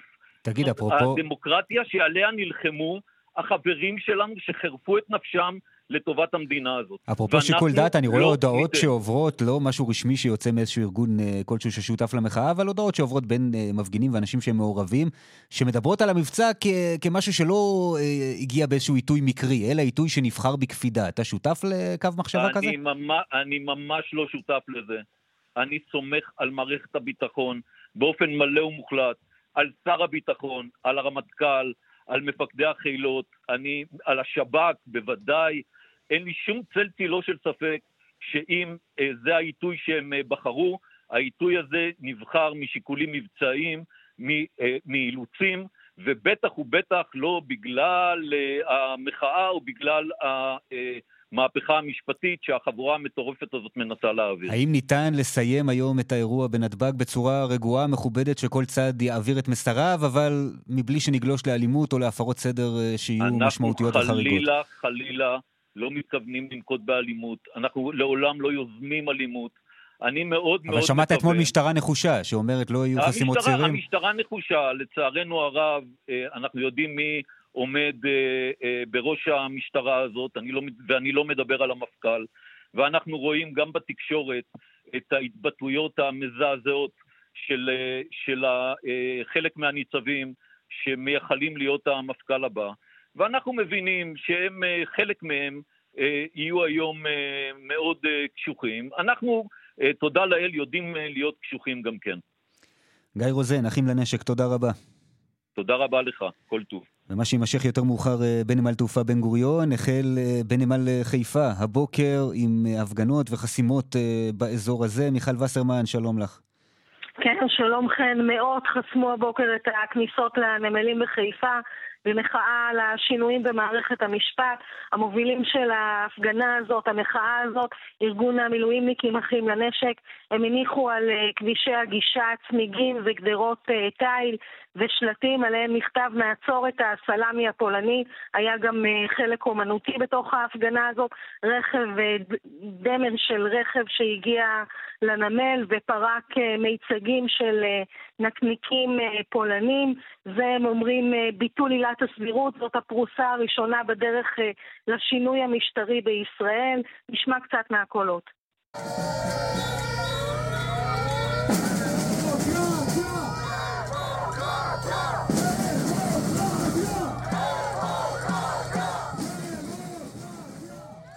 כן, והסלאמי הפולני כמובן זה הכינוי לשיטה שבה לשיטת המפגינים אה, מנסים להעביר את הרפורמה הזו. חלקים חלקים כמו בפולין. כן, זה בדיוק הדימוי שאליו הם... מכאן, זה בדיוק מה שהם התכוונו אליו. המשטרה נערכה במקום אה, עם כוחות אה, מתוגברים, הייתה מכתזית, היו פרשים עם סוסים, אבל אלה לא הופעלו ולא היו באמת אירועים חריגים, פקקים גדולים מאוד בכל הכניסות לנמלים בחיפה, פקקים גם בעיר התחתית, אבל הם התפזרו מהר מאוד עם סיום ההפגנה. מיכל, תודה רבה. תודה. כאן רשת ב' ספורט. יואב בורוביץ' עם הספורט, אהלן יואב. היי חן, אנחנו עדיין חוגגים כמובן את ההעפלה לאולימפיאדה שהתבררה אתמול בערב לאחר ניצחונה של אנגליה על פורטוגל 1-0 ברבע גמר יורו הצעירות. המשמעות היא שאנגליה תשחק נגד ישראל מחרתיים בחצי הגמר, ובמקביל ישראל מעפילה לראשונה לאחר 47 שנים למשחקים האולימפיים ב-2024. בואו נקשיב לדיווח של כתבנו בגיאורגיה, ליאן וילדאו. על כל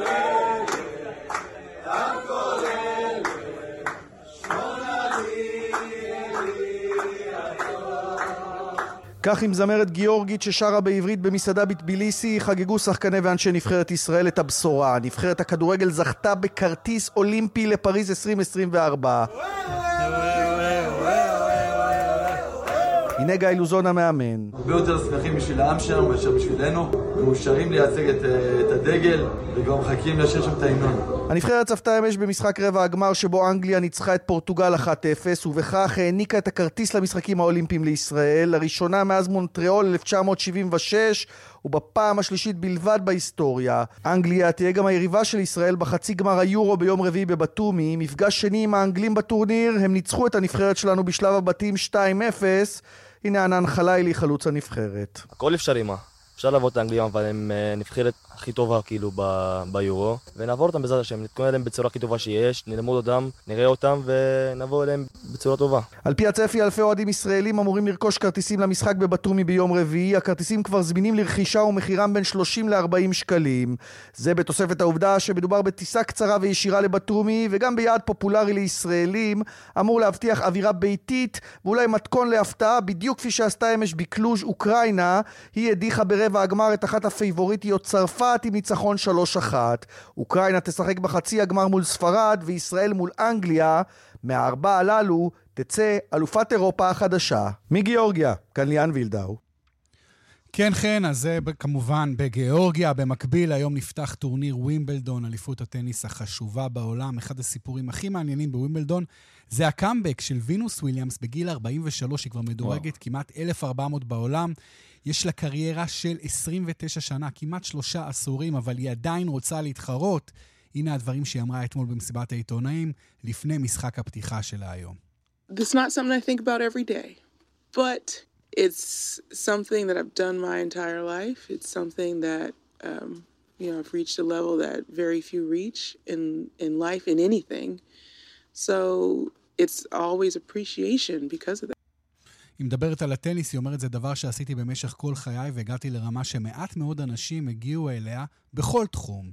אז תמיד תהיה לי הערכה למשחק. אז באמת, הערכה שלה לטניס והאהבה שלא מסתיימת, גם בגיל 43, כיף לראות. בהצלחה לוונוס וויליאמס. כן, בדיוק. היא וסרנה, אנחנו חלק מהנוף בווימבלדון. בהחלט. תודה רבה, יואב. תודה. עוד הפסקה קצרה ואתם שוב איתנו. בחצי היום שבתם אלינו, קודם דיווחנו על אה, חילופי האש ליד אה, אחד המסגדים בעומק אה, ג'נין, רועי קייס שב אלינו עם עוד פרטים. כן, כן, אז תראה, צריך להגיד שבאמת הקרבות נמשכים כל העת בין כוחות צה"ל לבין החמושים במחנה הפליטים ג'נין, שלפי משרד הבריאות הפלסטיני יש שמונה הרוגים בצד הפלסטיני מאז תחילת הלחימה, תחילת הפעילות הישראלית משעות הלילה. נוסף על 50 פצועים, חלקם במצב קשה, כלומר בסכנת חיים. הדבר המשמעותי שקורה בשעה האחרונה, שיש איזושהי החרפה בטון מצד ארגוני הטרור בעזה, בהמשך הדיווח שלנו בשעה הקודמת. ערוץ אל-ג'זירה הקטרי דיווח ממקורותיו שארגוני הטרור בעזה העבירו מסר לגורמים הבינלאומיים שאם ישראל לא תעצור את הפעילות שלה בג'נין, אז המצב הולך לכיוון של הסלמה נרחבת. הדברים האלה גם באים לידי ביטוי בדברים שאומר אה, ח'אלד אל-באץ', בכיר הג'יהאד האיסלאמי, אומר ממש בשעה האחרונה, ההתנגדות לא תעמוד מנגד אל מול מה שקורה בג'נין, על המתווכים להזדרז ולהתערב לפני שיחלוף הזמן. גם הערוץ אל-מיאדין הלבנוני מקורב מאוד גם לחמאס, הג'יהאד האיסלאמי, אומר שיש מגעים אינטנסיביים בין חמאס והג'יהאד האיסלאמי לבין המתווכים המצרים והבינלאומיים בנוגע למה שהוא מכנה התוקפנות על ג'נין, אה, וכאמור המצב ככל שהמבצע הזה נמשך, הפעילות הנרחבת של צה"ל נמשכת, אז נראה שגם האיומים מכיוון עזה אה, מתגברים. ובעיקר כרגע... פונים למתווכים כרגע, ת, תעשו משהו, כן, תעצרו את זה. כן, תעשו משהו, אבל גם, מסר, חושב, גם לאוזניים ישראליות, שאם ישראל תמשיך במהלך הזה, אז מה שנקרא הפוטנציאל שנראה ירי או איזושהי תגובה מעזה, גוברת משמעותית. רועי, תודה רבה. תודה. קצת תרבות עכשיו. כאן רשת ב' תרבות. דורית אסרף מזרחי תעזור לנו להתאוורר קצת מהעניינים הכבדים. קצת תרבות, ואני מקווה שאתה לא תכעס עליי, חן, כי אני הולכת לעשות לך משהו קצת לא פייר. אני בטוחה שזאת השעה שאתה כבר רעב. אל לדבר על אוכל בשעה זו, או בדיוק, לא שמבשל לא ברמות כאלה שאתה רק תרצה לאכול, והרבה שלום לשף מרקוס גרשקוביץ מאנג'ליקה. שלום. שלום, צהריים טובים. אתה בא בלי אוכל, זה כבר מחדל, חן כבר רעב. אבל בוא נזמין אותו, את הבחור הצפוני לירושלים, לירידות האוכל. נכון. כמו... ספר לנו. לפי דעתי כבר שנה שישית או שביעית, כאילו אם אני מוריד את הקורונה, אה, שאנחנו עושים פסטיבל של אה, אוטו אוכל, שאני אומר אנחנו זה הרשות לפיתוח אה, ירושלים והמסעדות הירושלמיות, שאנחנו למעשה זה יולי-אוגוסט, שלושה ימים, כל יום שלישי, רביעי, חמישי, כל שבוע, כל שבועיים מתחלפות המסעדות, התפריטים משתנים, מוזיקה, אווירה מדהימה מול החומות של העיר העתיקה עם בריזה מטורפת, זה פשוט חוויה ממש ממש כיפית וממש מעניינת קולינרית. אבל מה שחשוב זה מה אוכלים, מרקוס, מה אוכלים? אם אני באה ביום שלישי, מה אני אוכלת? השנה יש לנו מתחם של בשרים מעושנים שעושים הפיטמאסטר והכנענית, יש לנו את הג'אקו סטריט שעושה לנו המבורגר מטורף, יש לנו את אה, קדמה, את, יש לנו את האיירון בר שמביא בשר וגיו, הולך להיות ממש ממש ממש אה, מטורף. ואם אני אבוא שבוע הבא ביום שלישי זה משהו אחר לגמרי. לא, כל שבועיים מתחלפים, זאת אומרת, שבועיים. בשבוע הזה ובשבוע הבא זה אותם תפריטים, שבועיים אחר כך מסעדות אחרות, תפריטים אחרים, אוכל אחר, סגנון אחר, אה, ממש מעניין. יש... כן, הקלתי עליך, אתה לא צריך לבוא כל שבוע, זה בסדר גם פעם בשבועיים. אני יכול להגיד לזכותך שהאזהרה הייתה במקומה, ללא ספק. נכון, ויש לכם גם את אה, פסטיבל הקולנוע שמתנגש לכם, אז יהיו לכם המון אנשים, אתם נכון, ערוכים לזה? הוא לא מתנגש, כן, הוא מתחבר. זה הרבה לא אנשים. כן, כן, אנחנו ערוכים. קודם כל הפסטיבל יודע להכיל 4,000-5,000 איש בערב, ולשם הוא מכוון, וככה זה עובד אה, מדי כל שנה. ובאים לשלוש שעות בילוי משפחתי, אני חושב שזה אולי הבילוי הכי משתלם שיש בארץ, כי אין כניסה ו... והמחירים של המנות הם 35 שקלים ו-45 שקלים, זאת אומרת, אתה יכול לגמור בבילוי משפחתי ב-140-150 שקל בכיף. אני לא יודע אם יש בילוי יותר זול בארץ, חוץ מללכת לחוף הים ו... אה, ולהיות שם. אני חושב שזה פשוט חוויה מהממת, וצריך להודות לרשות לפיתוח ירושלים ועיריית ירושלים, ש... וגם לך מרקוס, תודה רבה, שיהיה בהצלחה, אני הייתי וממליצה בחום. אני אהיה גם השנה. תודה, תודה, תודה. להתראות. תודה מרקוס. ביי ביי. אכן, אנחנו נסיים במוזיקה. אני רק אגיד שאם נתקלתם בתמונות של אה, מסכים שקרסו בהיכל מנורה, אז אני ארגיע ואומר שאתמול בהקמות למופעים של שרית חדד נפלו חלק ממסכי הלד, אף אחד לא נפגע, הכל טופל וסודר, ושרית הופיע היום וגם מחר. אנחנו נסיים אה, בשיר ככה בלי שלום, אפילו שאני אומרת לך שלום. תודה רבה דורית. ביי חן.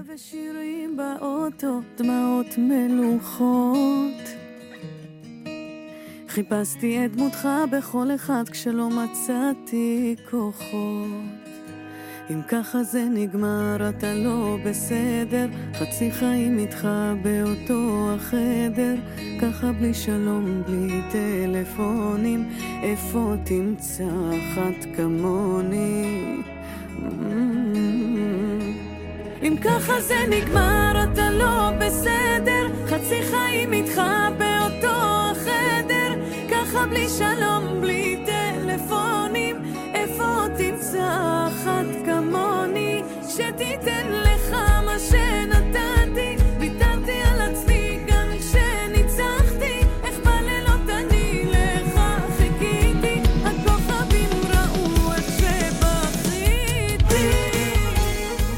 שרית חדד מסיימת לנו אה, שעתיים של אה, בחצי יום. רוצים להגיד תודה רבה לאפרת וייס שערכה את המשדר הזה לעמית כהן וזיסל בלק בהפקה, לחיים זקן, טכנאי השידור. תודה רבה גם אה, לנעמי בוטון בדיגיטל, לשמעון דוקרקר ואורית שולץ.